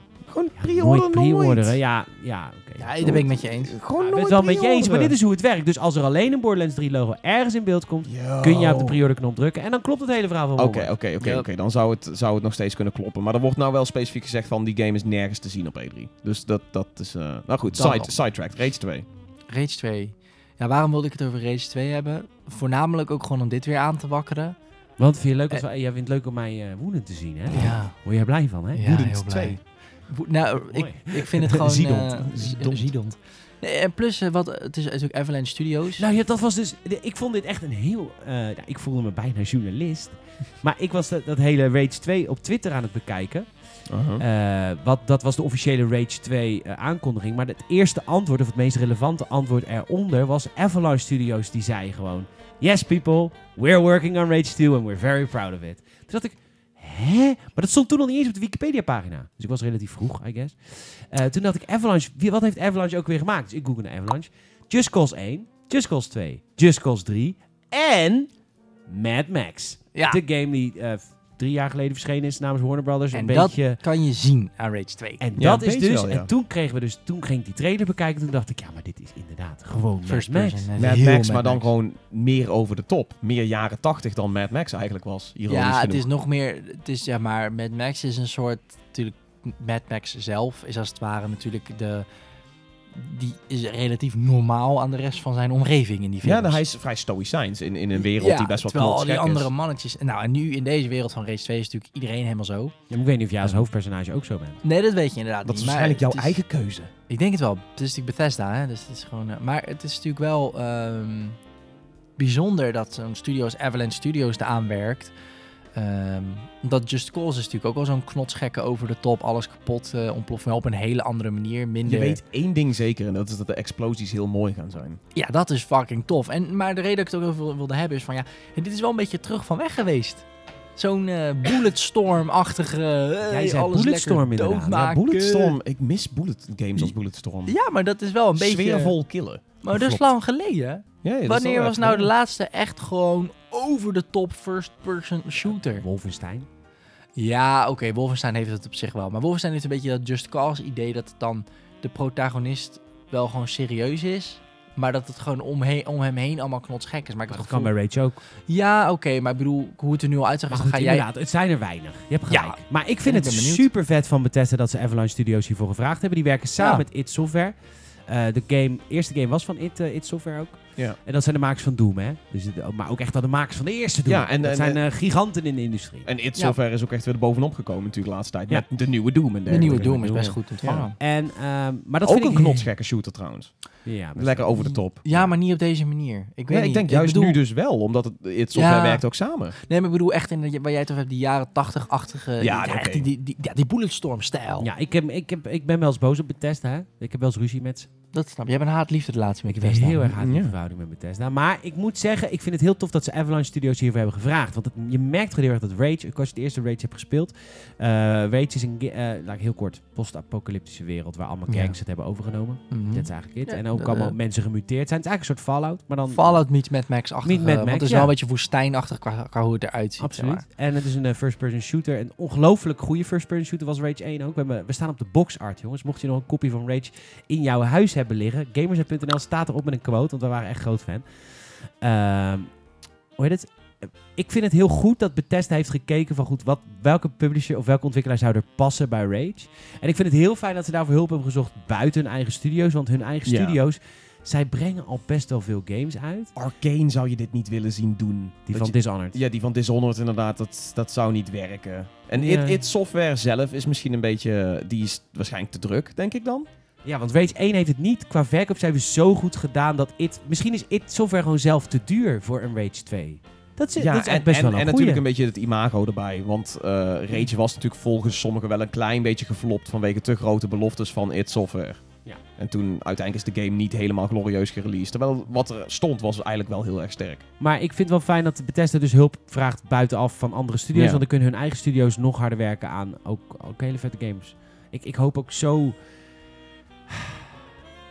Elder Scrolls 6 man. Nee. Nee. Gaat nog niet Sta- gebeuren. staat wel op Walmart. Het staat wel op Walmart. Het zou best wel kunnen dat ze een logo laten zien. Ja. Trader zou kunnen. Oh, wat, oh. Nee, nee, nee want, want ze hebben wel ooit gezegd van we willen met, met, eh, s- eh, met The Elder Scrolls 6 hetzelfde doen als met Fallout. Ja, dat maar we dan de willen kan onthullen het dus als... gewoon onthuld worden en komen. Laten we ook gewoon eerlijk Eind zijn. dit jaar een Elder Scrolls? zou makkelijk zou kunnen. best wel Waarom kunnen, zou man. dat best niet wel kunnen? lijp zijn. Kijk, eh, Bethesda zegt zelf, ja, er komen nog twee grote AAA-titels aan voordat die Elder Scrolls komt. Nou, prima, maar die- als... als Nou ja, het Ja. Rage 2 zou dan één van kunnen zijn, want dat valt ook onder hun uitgeven. ja. ja, maar dat hoeven ze niet als... Is dat triple? Ja, ze zullen het zelf als... En eh, misschien een eh, vervolg op Prey of een grote DLC-pakket voor Prey. Het is natuurlijk wel... Weet je, ik, ik, ik hoop dat... kan iemand kijken waar een dingetje mee bezig is? Waar? Obsidian. Obsidian. De, de makers van, eh, van eh, New Vegas. New Vegas. Ja, dat is eigenlijk best wel een goeie. Maar het is natuurlijk ook wel een beetje het ding. Eh, dus, ik weet niet of dat bij jou ook zo is, Tom. Maar die twijfel die jij net aangaf van Elder Scrolls 6 dit, eind dit jaar. Nee, de reden waarom ik dat ook voel, is gewoon omdat er nog geen leaks van zijn. En daar betrap ik mezelf nu op. Van, er is niks gelekt over Elder Scrolls 6, dus zal wel niet. Ja, er of was heel ook niks geleden. gelekt over Fallout 4. Nee, maar dat bedoel ik. Het kan gewoon nog heel goed dat een game gewoon tot zijn onthulling... de tijd zat voor gehad. Laten we eerlijk zijn, toch? Het is nou, 2011 was de vorige. nou, Zeven jaar. nou, mag het? Ja, dus dus, eh, hoog tijd. eh, Obsidian is bezig met Pillars of Eternity. Dus ik zie het niet gebeuren. Oh. Nou ja, weet je, Obsidian was een hele goede, eh, of is nog steeds een hele goede ontwikkelaar. Die heel goed was in, of tenminste, dat hebben ze een aantal keer goed gedaan. Een bekende franchise overgenomen van de main studio, maar zelf een de- nieuw deel gemaakt. Ja. En meestal wordt dat heel kut. Dus eigenlijk Avalanche Rage 2, daar kun je best over twijfelen. Want meestal wordt het kut als een andere ontwikkelaar doet. Behalve als Obsidian doet, want die heeft Knights of the Old Republic 2 gemaakt en eh Fallout New Vegas. Ehm, dus dat hoopte ik even, maar nee dus. Maar ik ben wel heel benieuwd. Maar ja, anders zou het daar ook niet op staan trouwens. Maar wanneer kwam Fallout 4 nou uit? Eh 2000... Eind 2015 volgens mij. Nou, kun je nagaan. Dus het is in principe ook alweer drie jaar geleden. Want ik, ja, voor heel veel mensen is Fallout en Elder Scrolls zijn natuurlijk wel een beetje aan elkaar gelinkt een op een of Fallout andere manier. zou nu wel heel erg in het vaarwater van Rage zitten natuurlijk. Hè. Nee, nee, nee, geen, niet dat er een Fallout komt. Maar ik bedoel Ja, eerder Fallout dat het, New Vegas-achtige game kan best hoor. Ja, maar ik bedoel zou meer, het het is heel drie jaar vinden. geleden dat de laatste Fallout uitkwam. En ik heb een beetje het gevoel dat heel veel mensen zien Fallout een beetje als een soort van de, dat is de neef van Elder Scrolls. Is het ook, zelfs Ja. studio. Ja, en een beetje dezelfde engine-achtig. Ja, ook zelfde Dus, game-achtig, ja. dus ik bedoel meer te zeggen dat dat ook al drie jaar geleden is. Het zou best kunnen. Ja, dat kan makkelijk. Maar toen Fallout 4 zouden ze dat uitkwam, was de hoop voor deel 6 van Elder Scrolls natuurlijk al helemaal laag. Want ja, Fallout is net uit. Dat moet eerst Ja. nog een paar jaar broeien met DLC en toestand. En... Dat is allemaal al lang achter de rug hoor. De weg is vrij. Hij Ja. komt eraan, ik weet En- het zeker. Ja, of meer mods waarvoor je moet betalen. Nee, ik wil gewoon Elder Scrolls 6 en dan naar Nee, die had Scrolls, Nee, ik denk dat hij komt Argonia. Ja, zie- in zie- november. zie hij jij komt gewoon in november. Wat is, wat is de enige game die tegen Red Dead Redemption 2 op kan? Elder Scrolls 6. Elder Scrolls 6. Sterker nog, ik denk dat Rockstar maar voor één game zoiets heeft van... Dat Jammer. is wel en dat zo, is man. die Elder Scrolls 6. Dat is echt de enige nou heb ik er game. zin in. Ja. Ik zou het... Nee, maar wat... Hoe dikke piemel heeft Bethesda als Red Dead Redemption wordt uitgesteld? omdat zij zeggen, die Elder Scrolls 6 komt gewoon in november. Maar dat is ook het ding. ik denk ook gewoon dat ze dat heel erg secretive houden. Want is Bethesda best goed in. Fallout had ook bijna geen leaks. Ja, Nee. toen die eenmaal uitkwam, hadden ze volgens mij een vrouw ontslagen en die had de hele DLC-plan online gegooid. Die was gewoon boos. Ja, die was gewoon pissen. Moet je gewoon, ja, moet je gewoon niet doen. Maar ehm, ja, even hoor, even een kleine, kleine, kleine speculatie. Nee, waar waar het zouden is ze, waar het is de uitgebreide podcast. Waar zouden ze heen gaan? Oh, gaan we het over die Elder Scrolls 6 hebben, ja? Oh, ik Het land van de Khajiit, Argonia? Eh, eh, eh, Elsewhere. Of ik zou, ik zou Valenwood wel vet vinden. ja, de Wood Elves, toch? Ja, ik vind de Wood Elves vind ik Hmm. heel tof. Die grote boom in Elder Scrolls Online. Correct me if I'm wrong, maar er, waren volgens mij wel een, paar keer van die artwork leaks of zo, dat ze misschien bezig zouden zijn met iets, wat, iets hoog in de bomen met boomhutten en dan heel veel archery en shit. Ja, maar dat- Sikke forest. Ik, vond, ik speelde zelf een Wood Elf in Elder Scrolls Online. Het wordt heel nerdy nou, maar I love it. Ja, als het voor jullie ook te nerdy is, ik zit maar ook gewoon een beetje hier maar te vervelen. Dus praat rustig nee, maar ik was een Wood Elf in Elder Scrolls Online. En dan moet je natuurlijk ook naar die grote boom van hun. Dat is een soort Ja. thuisbasis. Dat zou ook wel super vet van je zijn voor een singleplayer. Ja, ja, want dat vond ik, ik vond dat toen ik die area zag in, in Elder Scrolls Online, had ik ook zoiets zo van, ja, deze soort van hub-wereld boom is super dope, maar ik wil hem eigenlijk niet in een MMO zien. Ik wil hem eigenlijk in een singleplayer game zien. Daarom. Gewoon dat hij dat die vetter en gewoon Ja, imposanter dat, is. en dat die boom ook gewoon natuurlijk in een singleplayer is. Kijk, in de multiplayer heeft een MMO heeft zo'n boom gewoon de, het doel als het is een hub. ja, het is gewoon een grote eh, hub. Ja. Maar in een singleplayer zou zo'n boom ook heel dynamisch kunnen zijn. Een beetje Ja. à la God of War. De, hoe God of War de Lake of Nine heeft. Waar je elke keer terugkomt en die wereld verandert elke keer een klein beetje in het verhaal. Zo zou zo'n boom natuurlijk ook gewoon Ja. bepaalde dingen kunnen oplopen door de campaign heen. Of, Het zou vet zijn. het zou zo tof zijn. Oh. Of, of de volgende Elder Scrolls is gewoon weer Cyrodiil of zo.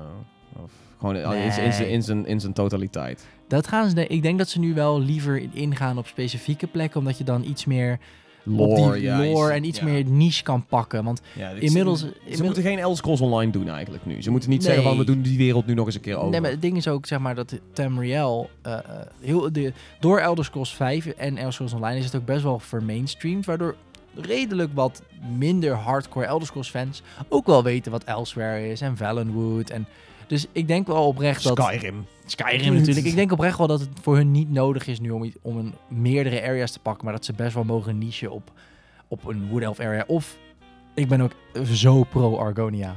Ja, dat lijkt me ook wel. Dat is echt heel tof. Ik ben Ja. heel benieuwd hoe dat eruit gaat zien. Waarschijnlijk gewoon pauper, want het zijn allemaal, het zijn allemaal dieven. Ja, oh, Elsewhere zou ook tof zijn. Ja, dat- ja, ja. Ja, Elsewhere zou wel. Stiekem moet Elsewhere het gewoon Ja. worden. Ja. Sorry Peter, we zijn echt intens aan het nerden gelijk over Elder Scrolls. Ja, Ja. helemaal goed. Ik gun jullie een Elder Scrolls. Ja, ik hoop het. Ik zou het eigenlijk denken dat het nog iets te vroeg is voor eh, de reveal en meteen eind dit jaar eh, verschijnen. Als het zo is, omarm ik Waarom? het. Waarom zeven jaar, man? Ik, Waarom? weet niet, ik zou echt denken dat, er, dat Bethesda is de laatste tijd al zo lang aan het kukken met die game. Is dat zo? de- Is weet dat je zo? Het, het, het- elke, elke persconferentie van Bethesda weer zit ik echt zo van, zouden ze het doen? En toen, weet je wel, toen had je eerst die kuk van, oh, we doen Skyrim, ehm, de HD-editie. Die vond ik heel pijnlijk. Eh, de Elder Scrolls Online dan af en toe dat ze zeiden, er komt iets, met, er komt iets vets met Elder Scrolls aan. Ah, Elder Scrolls Online of Elder Scrolls Legends, weet je wel, de Ja. kaartgame. Zo van, ah, kom op Bethesda, geef Ja, maar- ons... Ze zeggen nu niks. ja, ze, hebben, ze hebben je wel precies waar ze je willen hebben. Ja, Ja. ik denk het wel gewoon een soort van een, angry boner, zeg maar. Ja, maar ik- oprecht, ik kan geen reden verzinnen waarom dit jaar niet gewoon een prima jaar zou zijn om de 1-3 aan te kondigen en in november gewoon de schappen in te gooien. Waarom niet? Ah, Ja, ik zou, ik zou het ook helemaal omarmen, maar er zit gewoon iets in mij dat ik denk van, dan had er op zijn minst een lek moeten zijn. Of Ja, dan maar dat snap ik wel. Bethesda heeft Ja, dat, ik denk het dan. Dat Hoeveel leks waren er van Fallout 4? Nul. Ja, we hebben er nu al een lek meer, namelijk Walmart. Er waren, Ja, dat is wel... er, er ja, waren ja. niet echt leaks. Er, waren, er was meer gewoon het gevoel van... Oh ja, Fallout. Het is eigenlijk wel tijd. En dat heb ik nu ook. Oh ja, Elder Ja. Scrolls. Het is eigenlijk wel gewoon weer tijd. Elder Scrolls Online is al een paar jaar uit. Elder Scrolls 5 is al jaren uit. En, en draait waarschijnlijk dit jaar op je, weet ik veel, magnetron of zo. Ja. Oh ja. we hebben nog een onderwerp. State of Decay 2, jongens. Ja. Eh, Tom is ermee aan de slag gaan. Eh, in potentie een super vette game. Namelijk The Walking Dead. De game.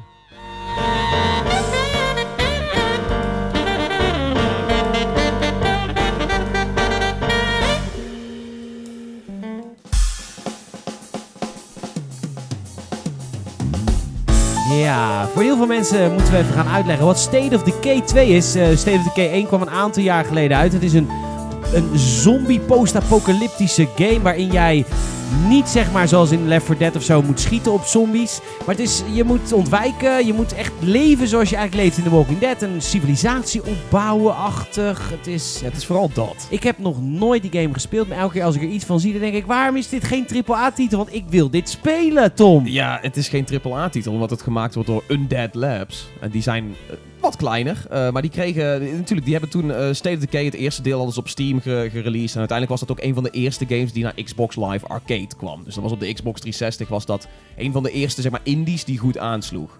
Want het was een heel tof concept. Overleven in een zombie-apocalyptische wereld. Open wereld. Open wereld, eh, waar je, waarin je dan zelf kon gaan gaan en staan waar je wil. En dan permadeath proberen zoveel mogelijk survivors te laten overleven. Als je dood bent, moet je opnieuw beginnen. Eh, nee, nee, nee. Als je dood Oh. bent, dan ga je door naar, naar iemand anders die nog wel leeft in jouw community. Je Eh, bouwt echt een community op. Je hebt een kerkje. Tenminste, dat was in deel 1. In deel 1 begon je in een kerkje en, eh, en kon je uiteindelijk later ook wel zeggen van... hé, hey, maar dit ziet er ook wel tof uit. Kon je dan scouten en kon je dan zeggen van... we verhuizen de hele community hier naartoe. Want Dat zijn is toch vet, want je moet de community ook in de gaten houden. Ze moeten Ja. eten genoeg hebben, ze moeten protectie genoeg hebben. Je moet echt, zeg maar, zoals, Ze zoals, kunnen- ze Rick, kunnen- ze- zoals Rick is in The Walking Dead, moet jij Ja. je groep beschermen. Ja, en dat is wel heel leuk, omdat het ook een beetje min-maxing is. Want je krijgt van, van elke, elke overlevende die je ziet in de wereld... eh, nou goed, dat kan een, vijandig zijn, maar je kunt hem natuurlijk ook bevrienden... dat hij dan uiteindelijk bij je komt. Maar dan blijkt bijvoorbeeld... oh, ehm, hij snurkt als hij slaapt. En dat gaat dan het moraal van de rest natuurlijk weer eh, verlagen. Dat is vet. Of hij is grappig, maar daardoor werkt hij ook minder hard... omdat hij veel te charmant is, weet je wel. Dus als je hem op een taak zet, dan... Ik heb die game echt volledig know, verkeerd right? ingeschat. Maar, ehm, maar het is een beetje van, van temper, dat, dat gevoel even. Want eh, dat concept, daar zit ontiegelijk veel potentie, in- eh, potentie in. En dat Ja, zei en- ik ook over de eerste game. Ze zei van, er zit zoveel potentie in, maar ze gebruiken het niet. Eén En- zin, want State of Decay 1 was dus een indie game. Maar voor State of Decay 2 hebben ze heel veel hulp gehad van Xbox. Het is een Xbox exclusive geworden. ja. En dus denk je heel veel budget, heel veel monies. Het kan eigenlijk niet meer mis. Het, ja, en, en wat krijgen we vervolgens met State of Decay 2 is gewoon echt, echt letterlijk dezelfde game, maar dan op Xbox One nu wel Echt? meteen. En het is iets groter, er zijn iets meer mogelijkheden, maar de game gewoon, de, de animaties, eh, de sommige huisjes, eh, complete storylines, de hut, alles oogt alsof er gewoon geen, geen, geen barst veranderd is. Oké, maar Eh, het- een van de problemen van deel 1 was bijvoorbeeld de hele vage, kutte menustructuur. Ja, nou ja, goed. Het menu is her en der wel een beetje opgecleand en dergelijke. Maar bijvoorbeeld eh, veel bugs, eh, slechte animaties en dergelijke. Dat zit er nog allemaal in. En nu- nu het grote nieuwe punt waarmee ze het zeg maar goed willen gaan maken, is dan co-op. Maar goed, dat is dan weer niet echt co-op dat je denkt van, oh ja, het is 2018 mensen. Want het is van die... Je komt bij iemand op bezoek co-op. Het is niet één shared world. Je kunt niet met vier man zeggen van... kom, we gaan samen één dikke community runnen. Dat is ook uit de tijd. Dat, dat is wat ik zeg. Dat, die, die vorm van co-op, eh, ik, ik klaagde er volgens mij ook al een beetje over met Far Cry. Dat ik dacht van Far Cry kan inmiddels ook wel echt richting een shared world gaan. Zij hebben het, de money ervoor en het zou zoveel toffer zijn. Maar ik heb het idee dat co-op tegenwoordig is een shared world. Niet bij elkaar op bezoek komen, even helpen en dan weer oprotten. Of een shared world, of bijvoorbeeld zoals Splinter Cell aanpakt. Dat is natuurlijk ook geen open world. losse modus. Gewoon co-op missies. Ja, losse- of bij Call of losse Duty modi. Zombies is de co-op. Ja, precies. Of Spec Ops van de oude Call of Duty. Maar dat is dus wel Ja. vervelend, want Ja, het leuke aan State of Decay 2 was in potentie dus dat je met z'n tweeën zo'n kamp gaat runnen. Ja, dat, daar hoopten wij heel erg Ja. op. Natuurlijk met State of Decay 1, dat ze op een gegeven moment nog zouden zeggen van... kom, we gaan er multiplayer in gooien. Dat hebben ze dus bewaard voor State of Decay 2. Nou, dat is vier, vijf jaar overheen gegaan. En nu hebben we basically gewoon dezelfde formule... waar wel potentie in zit, maar ook nog zoveel steekjes los zitten. Jezus, wat is Microsoft aan het kutten, hè? Maar dat is, een beetje, kut. dat is een beetje het punt. waar- Oh. En dit, dit gaat ongetwijfeld ook weer richting de E3 eh, soort van voortvloeien, de discussie. Maar dit is wederom een, een exclusive, tussen aanhalingstekens, voor, eh, voor Xbox One... die het gewoon die zo net niet gevoel heeft. Tja. En dat is, ik denk dat heel Ja, veel mensen dat met Sea of. Thieves ook hadden. Vergelijk het me alleen al met God of War, joh. Ja, Het is gewoon- precies, het dat is niet het. te vergelijken. Ja, het het- is gewoon een andere Aan, het, aan de andere kant Het is staan... gewoon Jupiler League versus Nee, Eredivisie. nee, het is aan de andere kant inderdaad. Als je, als je gaat kijken naar Sony, die zitten dan met, met Detroit en dergelijke. Met eh The Last of Us wat eraan komt. Eh, ja. je- hebt maar ook al Days Gone en zo. Dat ziet er kwalitatief Gone. al beter uit dan... Ja, nou, ik zag... eh, ik, mijn enthousiasme voor die game is echt gehalveerd. Ik zag laatst nou een gameplay demo en dat... Ja... Het is niet meer zoals die eerste demo Nee, waar is toen over De tweede was minder, maar het is ook kwalitatief ziet het er alsnog beter uit dan State of Decay. Dat Ja, sowieso. absoluut. Dat sowieso. Ja, ja, Nee, maar ik bedoel, ik zag wat live gameplay. Die is nog niet eens zo heel lang geleden geup, was dat op, geüpload van Days Gone. Waarin je gewoon... Ja, het is voornamelijk gewoon heel veel schieten. En niet heel veel meer zoals het eerste demo. Maar goed, State of Decay. Ja, State of Decay 2 doet het natuurlijk wel. Het, het draait minder om het schieten, dus dat werkt ook wat minder fraai. Ja. Eh, maar maar het, het, het leukste daaraan is wel echt gewoon al die traits. En dat je, dat je zo lang bezig kan zijn met één iemand, zeg maar de ultieme scavenger survivor maken. Van, oh, hij kan eh, goed van zich afslaan, maar hij kan ook veel dragen. En ik heb hem een tof wapen gegeven en genoeg ammo. En dan verlies je hem ergens op een missie. Je hebt precies van, shit, dat was een beetje de leider van Maar, mijn kamp. maar het is toch een third-person game? Het is third person. Maar wat doe jij dan? Hoezo? Nou kan jij als persoon, als Je pop- kunt wisselen tussen zeg maar, de mensen die je hebt. Dus eh, bijvoorbeeld, ik was bezig met, met een guy die in het leger ze- Ah. heeft gezeten, dus die kon goed schieten. Eh, maar op een gegeven moment, ja, die was moe, die eh, was door zijn stamina heen, dus dan, dan stuur je hem naar bed en dan schakel je over naar iemand anders. beetje zoals de Lego games. In die zin. ja, maar dan met bloederige permadeath. Ja, snap ik. Maar ik bedoel meer te zeggen, dus het is, er zit een strategisch deel in, maar jij traint jouw poppetjes door ze zelf te besturen. Ja, ja, ja, dat zeker. Ze kunnen ook, eh, je kunt ze ook uitsturen op missies en dergelijke. En Mhm. dat ze dan hun eigen shit eh, meemaken. Dus bijvoorbeeld ook in één keer sterker worden in een bepaalde skill. Of dat ze in één keer dingen vinden die jij niet had verwacht. Dat kan Maar heb allemaal je nou ook gebeuren. mensen die... Kun je ook groentetuintjes maken en mensen die constant in die groentetuintjes werken? Ja, ja, zorgen bijvoorbeeld als je, als je iemand, eh, als je een botanist of zo vindt, of iemand die groene vingers heeft, dan kun je al zien van, oh ja, oké, maar die zou goed zijn als ik die eh, de, de groente laat, eh, laat verbouwen, zeg maar. Dit is toch vet? Ja, Dit ja, ja. idee is zo maar, tof. eh, En, maar het kutte is Maar gewoon het is dat niet gewoon- leuk in je eentje. Het is niet leuk genoeg voor je. Het is, je kunt als je, als je het dikt, dan kun je, het, kun je er heel lang mee bezig zijn. Maar voor mij voelt het gewoon zo ontiegelijk schraal dat vijf jaar geleden zeiden we... Dit is een super tof concept. Als dit groter en beter kan, zou dit fantastisch zijn. En we zijn vijf jaar later en, en we zitten daar nog steeds zo van... Dit is nog steeds een tof concept, maar geef ons even iets meer of zo. Ik wil even terug naar die botanist. Die botanist die is heel goed in groenten verbouwen, dus die gaat groenten verbouwen. Maar Ja. jij kunt die botanist zijn. Kun je dan zelf groenten gaan verbouwen? Nee, dat, dat is dan jammer genoeg weer niet Oké, mogelijk. je kan alleen maar... Want je, je, Ja, bent vooral een aan het, je bent daar een beetje aan het scavenger. Ja, precies. en, je eh, gaat naar een tankstation ergens verderop. Je gaat kijken of je daar vette loot vindt. En dan ga je, breng je dat terug. En die loot helpt weer bij aan jouw ja, aan je, aan je community. Dat is ja. toch best wel Walking Dead. Het is gewoon Ja, het is- letterlijk ja. wat Rick Gaines de hele dag doet. Ja, ja dat, dat is, zo voelt het in, in sommige momenten ook. Maar het is, ja, nogmaals, het blijft gewoon zo jammer om dan Oké, maar ik, die dat- die heb ik nou uit mijn hoofd gezet. Maar ik ben nu aan het onderzoeken bij jou. Oh, ik heb het eerste deel niet gespeeld. Of het leuk genoeg is voor mij om in mijn uppie die game 10, 12 uur te Het spelen. ligt er een beetje aan of je dat grinden. Want er zit een fijn gevoel in voor, voor, het, voor het scavenger, weet je wel. Je gaat echt een nieuw in. Grimes. De, de, de, de- de Rick Grimes. Ja, Rick Grind. ja Ik netjes. hou van grinden. Dus eh, je bent daar als eh, grinder een beetje out of town aan het gaan. Ehm, Ik heb het verwijderd. Oh ja. eh, maar nee, het, het kan soms wel zo voelen. Maar het is, het is wel veel van hetzelfde na een tijdje. Want op een gegeven moment wordt het gewoon weer... Oh, oké, pandje in. En dan oké, rustig aan. Zijn er zombies? Oké, dan ga ik even wat, wat dingetjes opentrekken. Als je te veel lawaai maakt. Als je het sneller wil doen, maak je meer lawaai. Heeft het ook een beetje die Dying Light vibe dat als je schiet dat er dan meer zombies komen? Want in Dying Light vocht je heel veel met blunt objects omdat schieten zombies attract. Er lijken weinig echt nieuwe soort van mechanieken in te zitten met, eh, Ah. met het aantrekken van zombies. Je hebt nog steeds een soort van screamer en als hij gaat schreeuwen, dan komen er geheid meer aan. Er zijn wat kleine sub-objectives dat je dan moet je het hart kapot maken van een soort van bloederige uh, zombie-virus of zo. Ja, Eh, Dan komen er meer aan, maar dat is het, ik heb niet het idee dat het heel dynamisch is als bijvoorbeeld een Days Gone of een Dying Light, waarbij dus echt een knal er weer voor zorgt dat er weer vijf bij komen. Ja, wat, wat, wat ik heel erg ook merk is dat naast dat dit concept heel tof is, maar misschien niet helemaal goed wordt uitgewerkt, vind ik ook dat ze de tak pakken van zombies die, die ik persoonlijk niet zo tijdloos vind. Ik vind zombies zijn heel tijdloos. Als je bijvoorbeeld kijkt naar Call of Duty, doet het al jaren.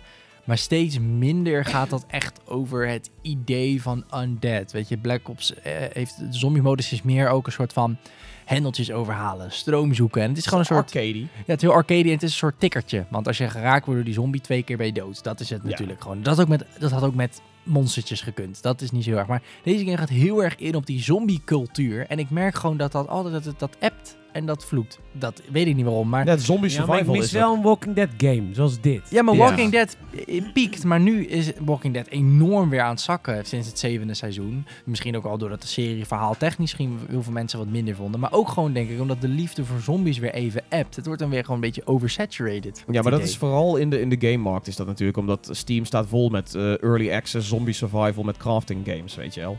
True. Dat is, eh, en, en dat is ook een beetje sowieso een, een, beetje een trope geworden. Het is een soort van meme. Ik bedoel, Ja. er is notabene die game... eh, oh wow, just another zombie survival game of zo. Is letterlijk de naam van die game. Oh, dat is Het- dus het- zo hipster. Het is, het is al meta gegaan, zeg maar. ja, Dus, het eh, meta gaan. en- oh, ik haat maar ik, ik, ik ging State of Decay 2 streamen en er was ook echt iemand zo van... Oh ja, State of Decay 2, zombie survival, is dat nog wel van deze tijd? Ik zie van, nou dat kan wel. Ik vind wel dat we games nog steeds wel in het genre wel kansen moeten geven. Maar ja, het is oversaturated Maar geweest. ja, het is, het is heel erg gewoon, het, gewoon echt, echt dat Walking Dead vibeje van zombies. Van in een wereld, oeh, zombies komen eraan, we moeten surviven, we moeten ons Ja. kamp opbouwen. Het is heel vet, alleen, ja, het appt weer, heb ik het echt het idee. Ik denk Ja, dat dat de- ook... in ieder geval ook met dit soort efforts zou ik zeggen. Want dit helpt niet echt om State of Decay meer aan de man te krijgen Nee. of zo. Nee, Zal uh, Bethesda bezig zijn met een The Walking Dead game in het Fallout-universum? Gewoon zo'n wereld. dat zou heel tof zijn. Gaat niet gebeuren. Ehm, Gaat niet zo goed met Xbox. Nee. Dat is een beetje mijn punt. met Xbox. Nee, het is gewoon als het aankomt op een exclusive. Maar goed, ze zijn wel bezig voor de mensen met een beperking. Ja, Controle nee, dat is eh, mooi. Ja, Adaptive Heel control. mooi. Adaptive Ja. controle en controle voor mensen met een eh, lichamelijke beperking met voetpedalen ook. Dat is best wel tof. Ja, eigenlijk kan alles erin. Ja, Dat alles vind ik Ja, hij is adaptive, hij past Ja. zich aan aan jouw beperking. Ja, Het is mooi. bizar, want voor 100 dollar hebben ze dus echt wel een controle gemaakt waar ontiegelijk veel dingen in kunnen. En wat je Hij helemaal kan... modulair, toch? Ja, nou, hij is zo goed als modulair inderdaad. Je, je kunt bijna alles wat, wat eh, eh, bij gehandicapten ook hulpmiddelen zijn, kun je erin pluggen om je game mee te besturen. Minder Dat valide mensen. Minder valide mensen. Ook goed. Mindere mensen. Minder Wow, wil ik niet mee op de record gaan. dat is een grapje. dat is een fatu. Ja, nee, tof. Dat doet, dat doet Microsoft beter dan Sony, I guess. Dat Ja, doen nu ze nog, wel nu beter. nog games. Ja, dat, is- dat is ook wel fijn. Ik bedoel, valide of minder valide, we houden wel van games nog steeds. Ja. Ja. Dus kan je een controle En, eh, hebben, maar als niks te autisme spelen komt valt. overal voor. Goed, we gaan eh, naar eh, het einde van deze show. Onwijs bedankt voor het luisteren. Eh, maar ik heb nog wel een, eh, missie voor jullie. Voordat ik eh, mijn co-host bedank. Eh, ik wil graag eh, de Gamersnet podcast groter, beter en, eh, en ja, nog groter hebben eigenlijk. En dat wil ik graag aan jullie vragen. Mond op mond ken je mensen die ook gamen. Wijs op de Gamersnet podcast. Luister, lijst op het feit dat het best wel lekker is om even in de auto of thuis als je een game aan het spelen bent of op de fiets. Dat het gewoon best wel lekker is om even een podcast te luisteren. Ze kunnen lid worden van de Gamers Podcast via iTunes, via Soundcloud en elke vrijdag via gamersnet.nl. En wil je een review achterlaten op iTunes, zouden we het ook heel erg waarderen. En eh, kortom, spread the Gamersnet podcast word. Want eh Gamersnet is love, Gamersnet is life. Onwijs bedankt Tom. Alsjeblieft. En bedankt Peter. Ja, en eh, ook Salem, onwijs bedankt voor je, voor je bijdrage. Het was een lange podcast, Zeker. maar eh, dat maakt niet uit. We hebben lekker gekletst. En ik vond- Het is ook, vooral is ook niet gek. De E3 komt eraan. Er De is zoveel E3. Ja, geruchten. Er is ook veel en zoals wij in het begin een discussie hadden, hebben wij ze ook gewoon echt hier op kantoor. Dus ik dacht, Ja, dat is wel zo gaat leuk. het de hele dag hier. Ja. Tenzij Peter even agressief wordt en werken. Ehm, jongens, bedankt voor het, eh, voor het luisteren. Tot, eh, tot volgende week bij een nieuwe Gamers Podcast. Tot later. Later. Cheers.